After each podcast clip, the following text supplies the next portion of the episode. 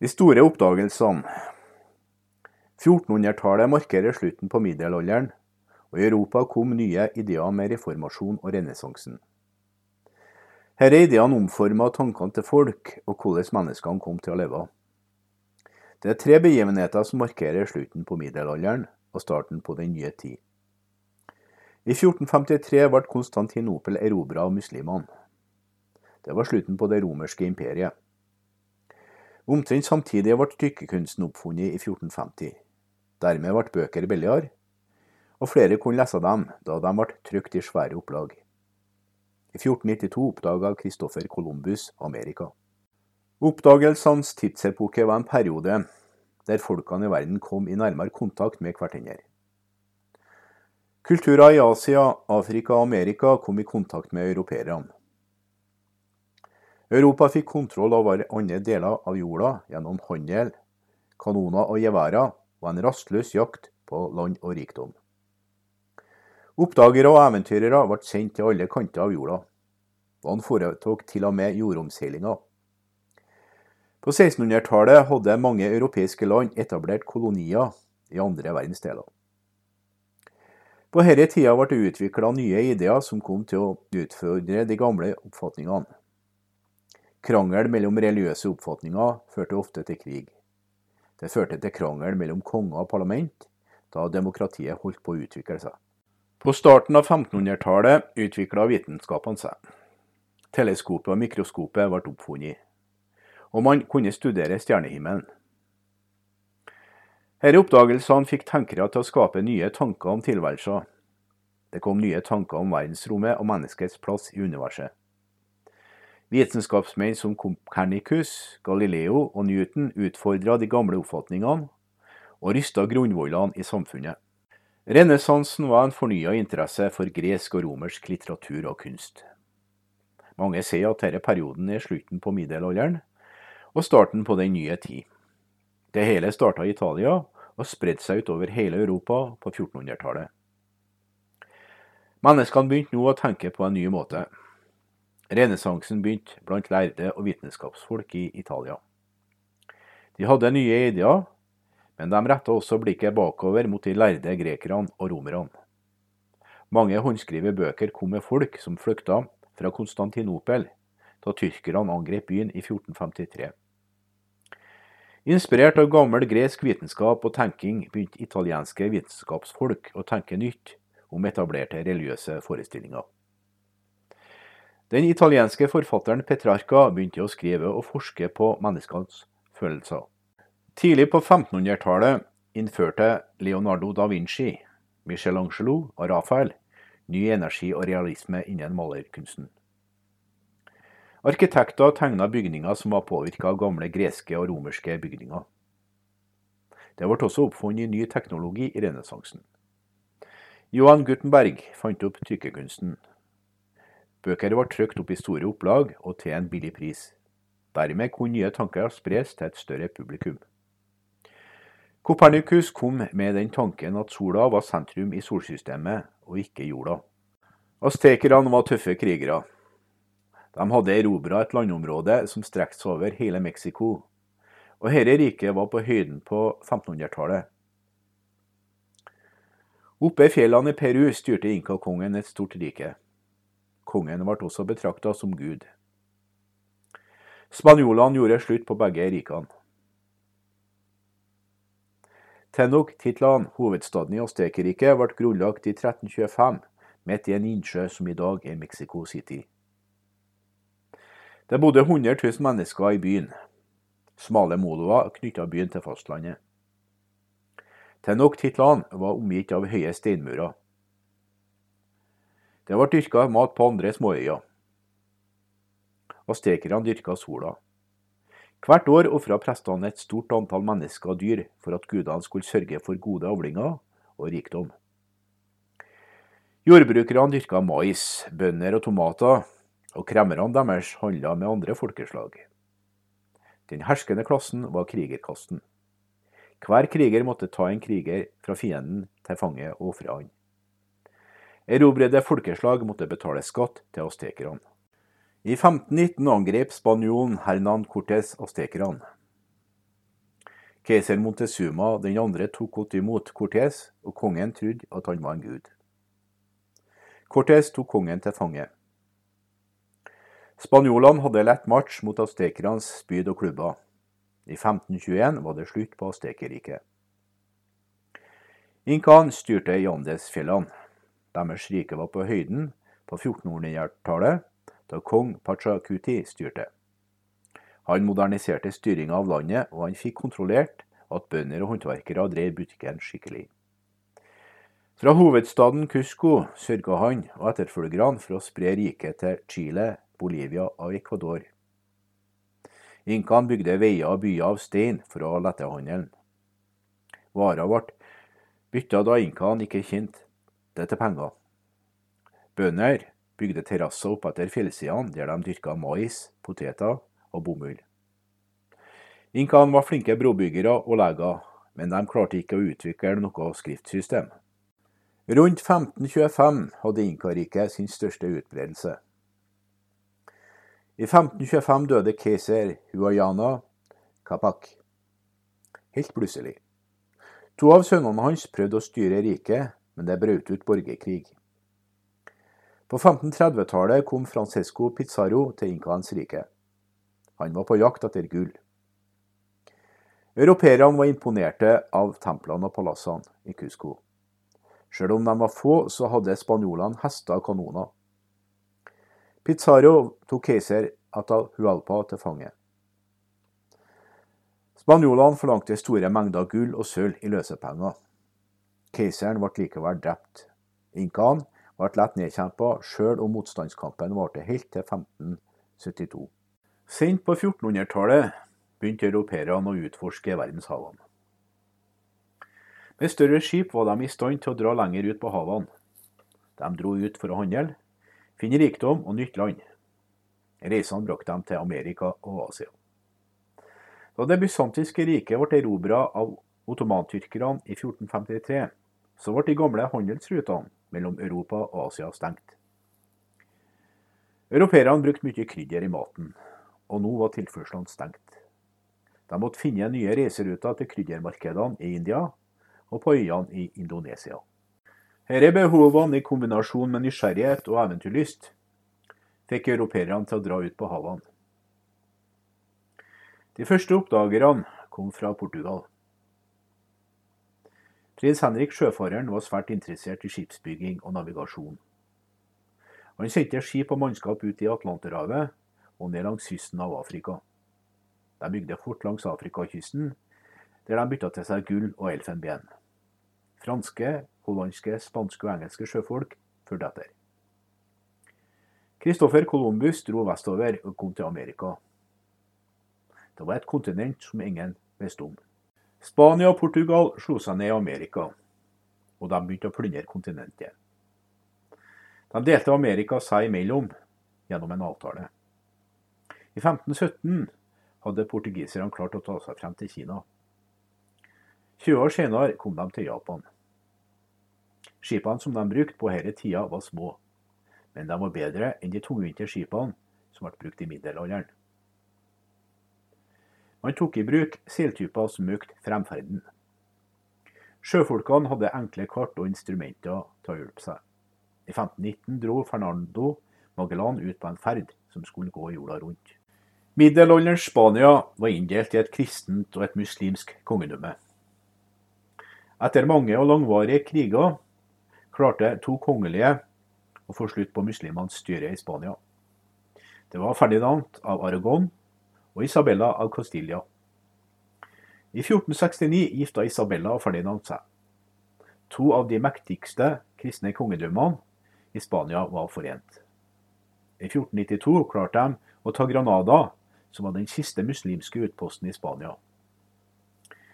De nye herskerne var intolerante overfor annerledes troende, og danna en inkvisisjon som jakta på andre kristne og jøder. På 1600-tallet hadde Spania blitt Europas mektigste nasjon. Den spanske hæren utkjempa kriger i Europa, mens krigsskipene deres vokta handelsrutene mellom Europa og Spania, der det ble frakta store mengder gull.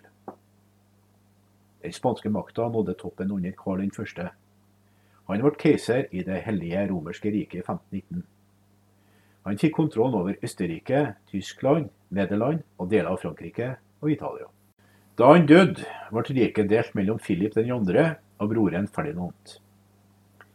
I 1580 besto Spania også av Portugal. Det var portugiserne som hadde utforska store deler av verdenshavene. Sjøfolkene deres hadde åpna nye ruter til Asia. De kontrollerte lange kyststrekninger langs Afrika, Brasil, India og Goa i India og Macau i Kina. Afrika bestod av mange kongedømmer og riker. De rikeste afrikanske herskerne styrte handelen med gull, elfenben og slaver. Dette var varer som europeerne var svært interessert i på 1500-tallet. Portugisiske kjøpmenn som seilte langs Afrikakysten, fikk høre rykter om enorme og mektige riker i det indre av Afrika. Det mektigste riket var Songhai, som kontrollerte handelen gjennom Sahara. I 1464 frigjorde kong Sonyali Songhai fra Mali og utvida grensene. Et nytt Songhai-dynasti ble grunnlagt i 1493, og kong Askia, Muhammad 1., tjente seg svært rik på handelen i Timbuktu og Jenne. Kongeriket Songhai skulle bestå til 1591, da landet ble erobra av Marokko. Khanem Bornu var et rike som lå i dagens Tsjad, Kamerun, Niger, Nigeria og Libya. Landet levde av handel mellom det nordlige og sørlige Afrika. Dette riket var på det mektigste i 1570 under kong Idris Alavma. I Nordøst-Afrika lå det kristne riket Etiopia. Her levde man av jordbruk og fedrift. I 1450 var Zimbabwe et rike som var på det største. Det var bygd opp gjennom 400 år og hadde et støttepunkt i en dal med 20 000 innbyggere. Borgen var omgitt av massive murer. De laga redskaper av kopper og jern, og de handla med gull i Sofala-regionen.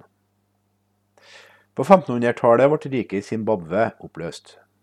Reformasjon var en reformbevegelse som hadde som mål å endre den katolske kirka. Den kom i en tid der folk var interessert i humanismen. Det vil si at folk begynte å tro at de hadde kontrollen over sin egen skjebne. Reformatorene var klar over at det var misnøye med hvordan kirka ble drevet. De foreslo nye reformer for tilbedelse. Et nytt forhold mellom mennesker, kirka og Gud. I 1517 protesterte Martin Luther over all korrupsjon i kirka, og han etterlyste reformer. Hans kampanje førte til at reformasjon ble skapt. Ideene hans ble raskt fanget opp og spredd utover Europa. Ulrich Schwingli i Sveits og Jon Calvin i Frankrike spredde tankene hans i landene sine. Dette førte til dannelser av den protestantiske kirka. Den nye trykkekunsten spredte Luthers ideer langt og bredt. Bibelen, som tidligere hadde vært tilgjengelig på latin, ble nå oversatt til mange språk. Mange monarker nytta ut stridighetene innen kirka til sin egen fordel. Henrik den 8. av England ønska å skille seg fra Katarina av Aragon. Paven i Roma nekta å godta skilsmissa. Dermed skilte han ut kirka fra Roma. I 1545 slo den katolske kirka tilbake med noe som den kalte for motreformasjon. Paven sendte ut jesuitprester som skulle bekjempe protestantismen. De hadde også som oppdrag å omvende borgerne i det spanske imperiet til katolisismen. Spliden mellom katolikker og protestanter førte til mange kriger i Europa. Protestanter og katolikker henrettet motstanderne overalt i Europa. Ottomanernes erobring av Konstantinopel i 1453 var starten på tyrkernes gylne periode. Ottomanerne kontrollerte det østlige delen av Middelhavet og det nære Østen. Hærene deres trua også Vest-Europa. Ottomanerne utkjempet også kriger med safavidene i Persia. Etter å ha erobra Konstantinopel, så døpte de om byen til Istanbul. Byen ble hovedstad i et imperium som omkransa hele Middelhavet i en periode. Mesteparten av ottomanernes erobringer ble utført av Suleiman den første, som levde på midten av 1500-tallet. Tyrkerne invaderte Persia og tok Bagdad. De tok også øya Rodos, kryssa Donau og dro inn i Ungarn, der de vant slaget ved Mohaks i 1526. I 1529 sto tyrkerne på utsida av murene til Wien. Det virka som de hadde planer om å erobre hele Vest-Europa. Tyrkerne slapp taket på Wien, og vesteuropeerne kunne puste letta ut. Men tyrkerne fortsatte med krigsvirksomheten sin rundt Middelhavet. Tyrkiske pirater raida havna, tok handelsskip og gjorde europeerne om til slaver. Den ottomanske flåten gikk på en smell i 1571 da en europeisk flåte slo tyrkernes flåte i slaget ved Lepanto i Hellas. Suleiman prøvde tre ganger å erobre Persia. Fra 1501 ble Persia styrt av Safavide-dynastiet. Dette riket ble grunnlagt av Shah Ismail 1. Her bodde sjiamuslimer, ikke shita som i Tyrkia. Safavidene under Shah Abbas 1. fortsatte med å krangle med tyrkerne. Shah Abbas den første styrte ikke bare over Persia, men også over storparten av Mesopotamia. Kriger mellom de to landene fortsatte utover 1600-tallet. Det gjorde at tyrkerne ikke hadde kapasitet til å gå løs på Europa. Mughal-dynastiet styrte India i nesten 200 år. Riket ble grunnlagt av Babur i 1526. Under barnebarnet Akbar gjennomledde India ei storhetstid med kultur og lærdom. Mughal-dynastiet begynte sin storhetstid på 1500-tallet under Akbar. Han utvida imperiet med krig og diplomati. Han erobra også Bengal, som var meget rik på ris og silke, og Akbar styrte India helt til 1605. Akbar ble etterfulgt av sønnen Jahan Gir. Han ble igjen etterfulgt av Shah Jahan i 1627. Han støtta kunst og kultur, og det var han som satte i gang bygginga av Tai Mahal i Agra. I 1657 ble han syk, og sønnene hans begynte å krangle om hvem som skulle etterfølge faren. Den tredje sønnen, Ørang Seb, drepte de to andre brødrene, fengsla Shah Jahan og tok makta.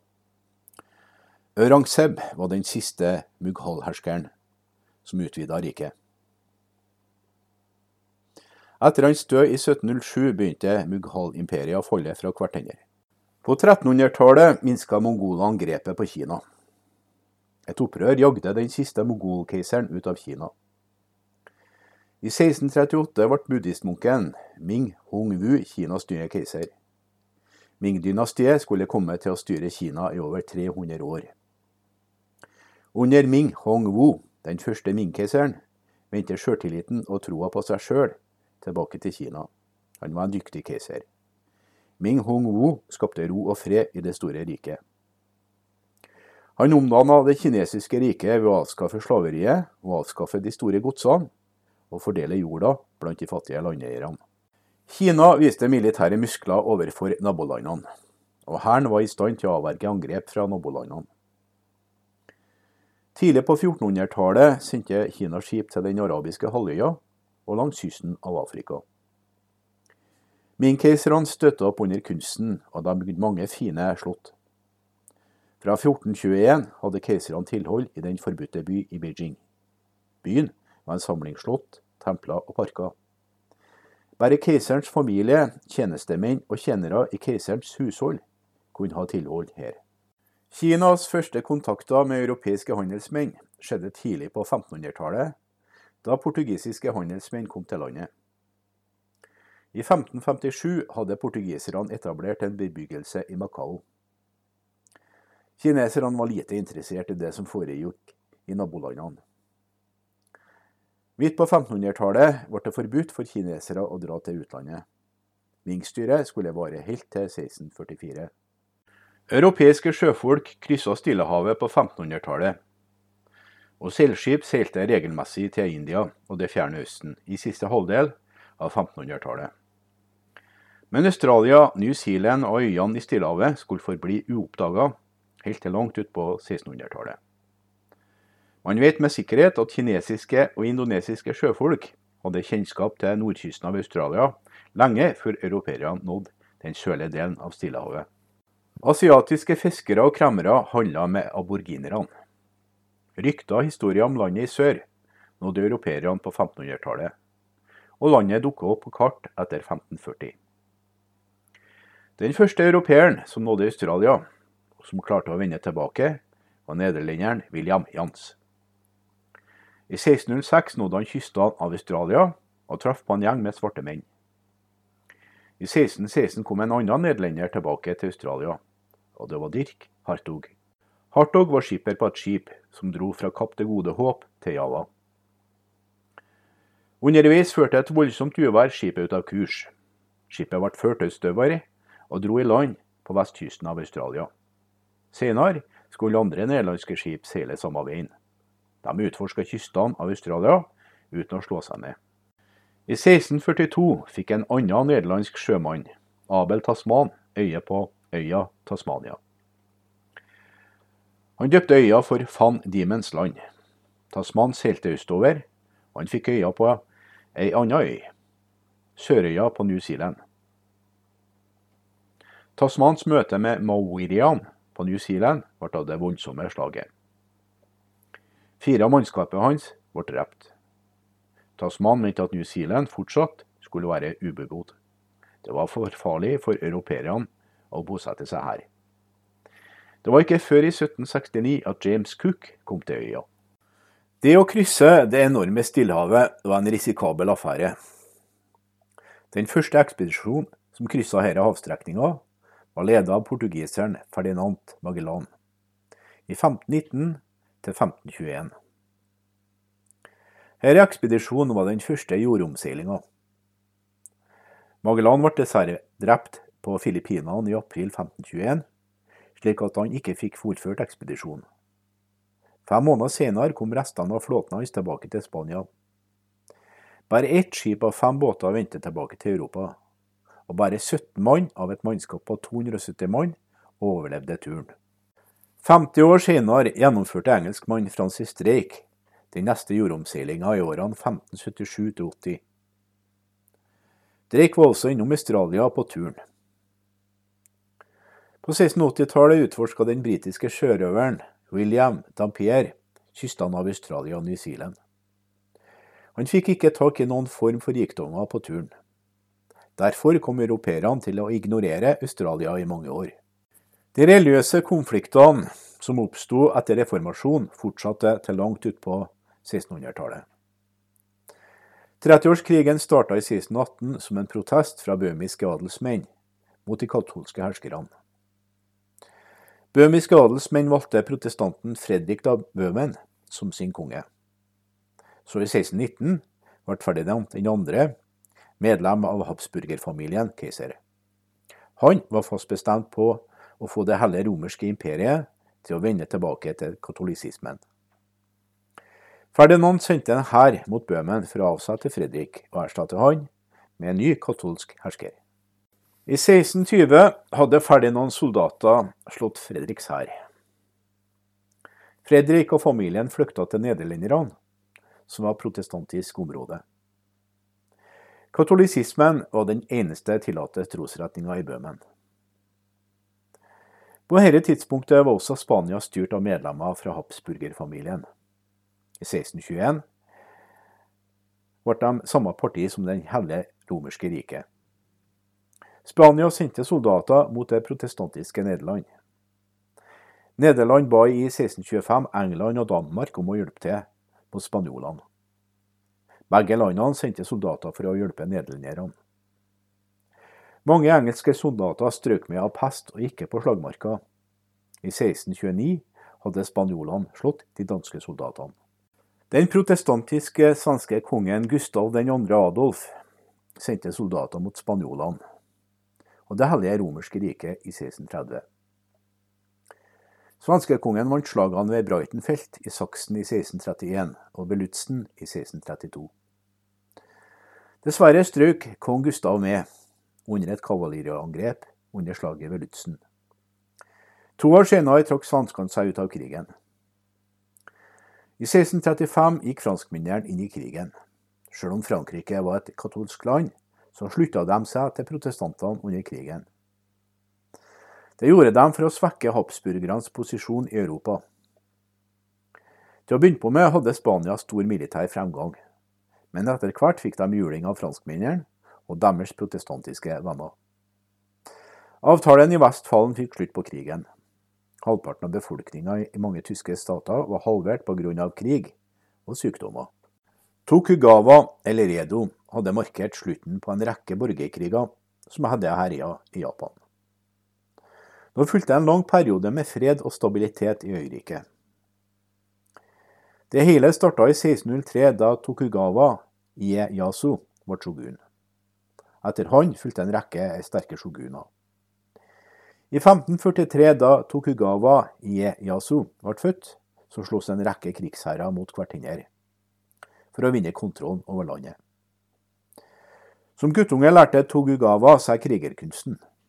Da han vokste til, begynte han på den lange ferden for å vinne vakna i Japan. I 1598 hadde Tokugawa landets største hær, og store landeiendommer som var samla rundt den lille landsbyen Edo. I 1603 utnevnte keiserne til shogun. Han skulle da styre landet på keiserens vegne. Ieyasu gjorde Omedo til en sterkt befesta by. Han delte landet inn i regioner som ble styrt av en daimyo, som leda de lokale samuraiene. Han trakk seg tilbake i 1605, men han fortsatte med å ha makta i landet. I 1612 var han redd for at kristne skulle underminere makta hans. Dermed forbød han kristne misjonærer å besøke landet. Ieyasu døde i 1616.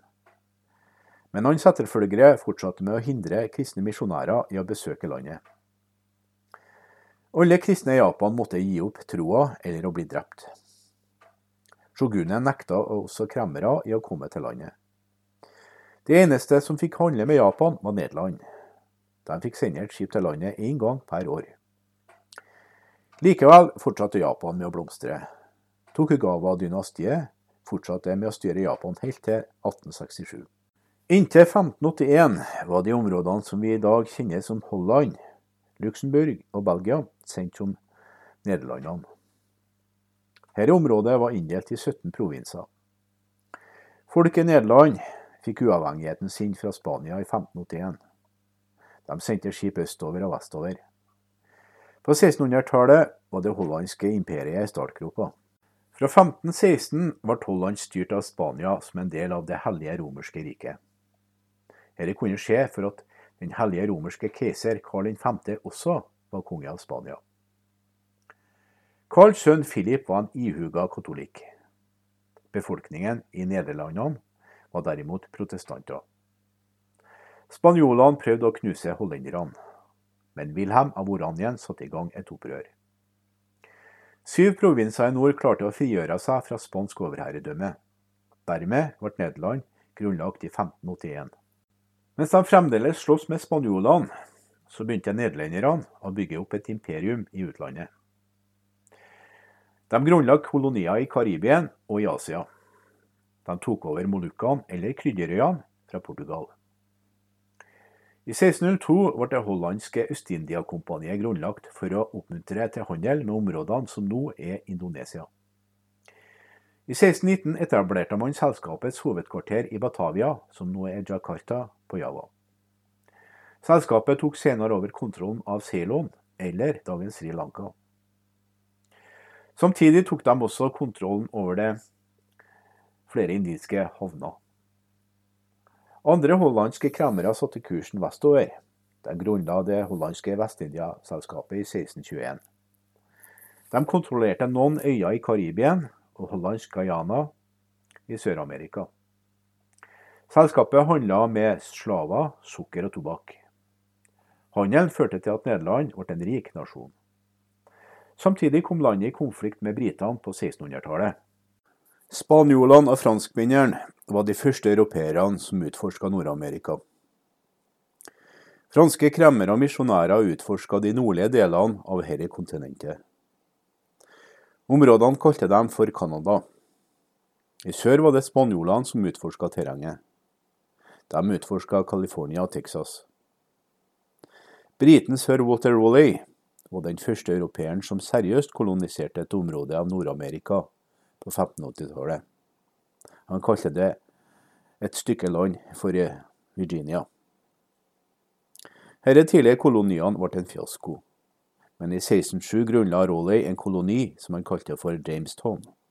Beboerne slet med matmangel, og de måtte også slåss med indianerne, som de hadde stjålet landet fra.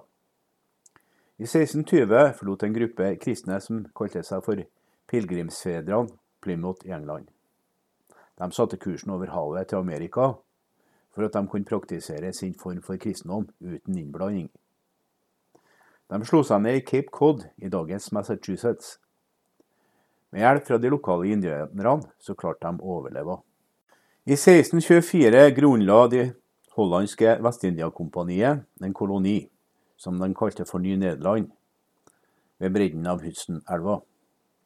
Litt senere etablerte de en handelspost på øya Manhattan, som de kalte for Ny-Amsterdam. Den franske koloniseringa av Nord-Amerika starta i Canada. Samuel de Champlain grunnla Quebec. De begynte også å utforske områdene bortover St. Lawrence-elva, som de krevde var fransk. Senere dro franske oppdagere nedover Mississippi-elva. Da langs elva kalte de for Louisiana, etter kong Ludvig den 14. Den engelske borgerkrigen brøt ut under Stuart-kongen Karl 1., som ble konge i 1625. Kong Karl ledet en hær som sloss med en hær som sloss for parlamentet. Karl tapte krigen, og han ble deretter henrettet. I en periode var England en republikk som ble styrt av Oliver Cromwell. Det var religiøse, politiske og økonomiske grunner til krigen. Puritanerne, som var ekstremt protestanter, syntes at kong Karl 1. favoriserte katolikkene. Kona til kongen, Henrietta, var fransk katolikk. Kongen trodde at det var Gud som ga han retten til å styre landet og velge rådgivere. Han kom i konflikt med parlamentet da han ville heve skottene. Fra 1629 prøvde han å styre landet uten parlamentet. I 1640 måtte han innkalle parlamentet for å få inn mer skatter, slik at de kunne slå ned et opprør oppe i Skottland. Kongen prøvde også å arrestere fem av lederne i Underhuset, men de kom seg unna. Pøbelen i London demonstrerte på gatene i London for å støtte parlamentet. Kongen måtte rømme byen. Begge sidene mønstra nå store hærer. Ingen av hærene vant det første slaget ved Edgehill i august 1642.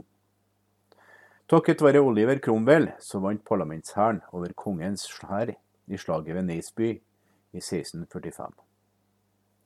Kongshæren tapte en rekke slag, og Karls hovedkvarter i Oxford ble erobra i 1646. Kong Karl stakk av til Skottland. De derimot overlot han til parlamentet. Han klarte å rømme på nytt til Skottland. Der stabla han en hær på beina, som tapte et slag i 1648. Kongen ble brakt for retten, funnet skyldig og henrettet i januar 1649. I september 1651 gikk sønnen Carl med skottenes hjelp til angrep i Worcester. Han tapte slaget, og nå var den engelske borgerkrigen over. Landet ble styrt en periode av parlamentets medlemmer inntil de begynte å krangle. Da tok Oliver Cromwell over styringa av England. Han styrte landet med støtte fra hæren. Cromwell delte landet i elleve distrikter som ble styrt av guvernører. Disse lederne ble etter hvert lite populære. Da Cromwell døde i 1658, så tok sønnen Richard over. Men Richard ble fjerna fra posten og parlamentet satte inn kong Karl 2. i 1660 som ny engelsk konge. Afrika har ei lang historie med slavehandel. Frem til 1500-tallet var de fleste slavene krigsfanger. Noen av dem ble solgt til arabiske kremmere. Så kom europeerne til Afrika. De kjøpte opp slaver som de tok med seg til den nye verden. Europeere som kom til den nye verden, oppretta kolonier på Amerikas fastland og på øyene ute i Karibien. Der begynte de å dyrke sukker, og de gjorde slaver ut av den lokale befolkninga, slik at de kunne arbeide for seg. Men hardt arbeid og sykdommer som europeerne dro med seg, drepte mange av den lokale befolkninga. Derfor begynte de europeiske kolonistene å se seg om etter ny arbeidskraft. Noen forbrytere ble frakta fra Europa for å arbeide på plantasjene. De ble også syke og døde. Nå retta kolonistene sine øyne mot Afrika for å finne arbeidskraft der. Nå ble et stort antall mennesker tatt til fange i det indre av Afrika. De ble lenka sammen og frakta ned til kysten. Der ble de solgt til europeiske slavehandlere. De ble ført om bord på slaveskip i lenker og frakta med skip over Atlanteren til Amerika. Forholdene om bord på slaveskipene var forferdelige. Det var mangel på plass, luft og vann og mat. En tredjepart av slavene døde på den to måneder lange turen over til Amerika. Livet på plantasjene var hardt. De fikk dårlig med mat, og de ble piska for den minste forseelse. Mange døde like etter at de ankom plantasjene. De sterkeste slavene holdt ut i ti år.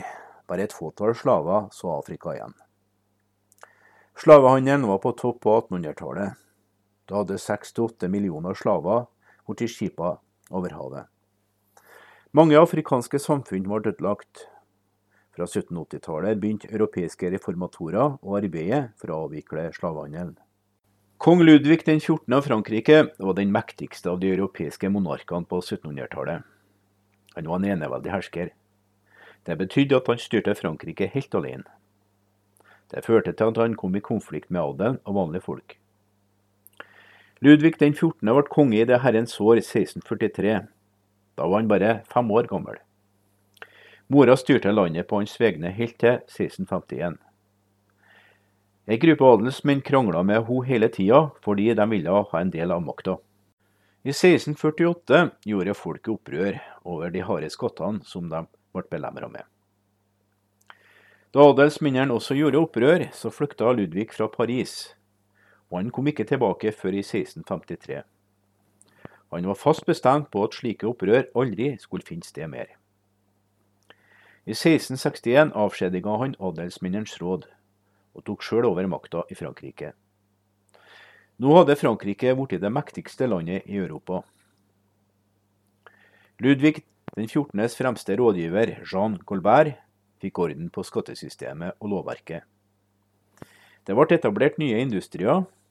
Det ble også bygd kanaler og veier. En ny handelsflåte som skulle fremme handelen, ble satt på sjøen.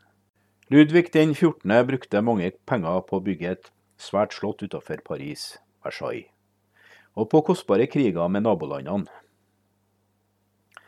Han ville at landets grenser skulle nå Alpene, Pyreneene og Rhinen. Mellom 1667 og 1697 utkjempa han tre kriger med Spania og England. Vanlige borgere i Frankrike ble skattlagt hardt for å finansiere kongens byggeprosjekter og kriger. Adelen og presteskapet betalte ikke noe i skatt. To dårlige innhøstninger førte til massesult. Men opprørerne ble raskt slått ned. Da Ludvig den 14. døde i 1715, så tok sønnen over. Landets økonomi var i dårlig forfatning etter farens eskapader. Ludvig den 14. brukte mange penger på å bygge et svært slott utenfor Paris, Versailles, og på kostbare kriger med nabolandene. Han ville at landets grenser skulle nå Alpene, Pyreneene og Rhinen. Mellom 1667 og 1697 utkjempa han tre kriger med Spania og England. Vanlige borgere i Frankrike ble skattlagt hardt for å finansiere kongens byggeprosjekter og kriger. Adelen og presteskapet betalte ikke noe i skatt. To dårlige innhøstninger førte til massesult. Men opprørerne ble raskt slått ned. Da Ludvig den 14. døde i 1715, så tok sønnen over. Landets økonomi var i dårlig forfatning etter farens eskapader.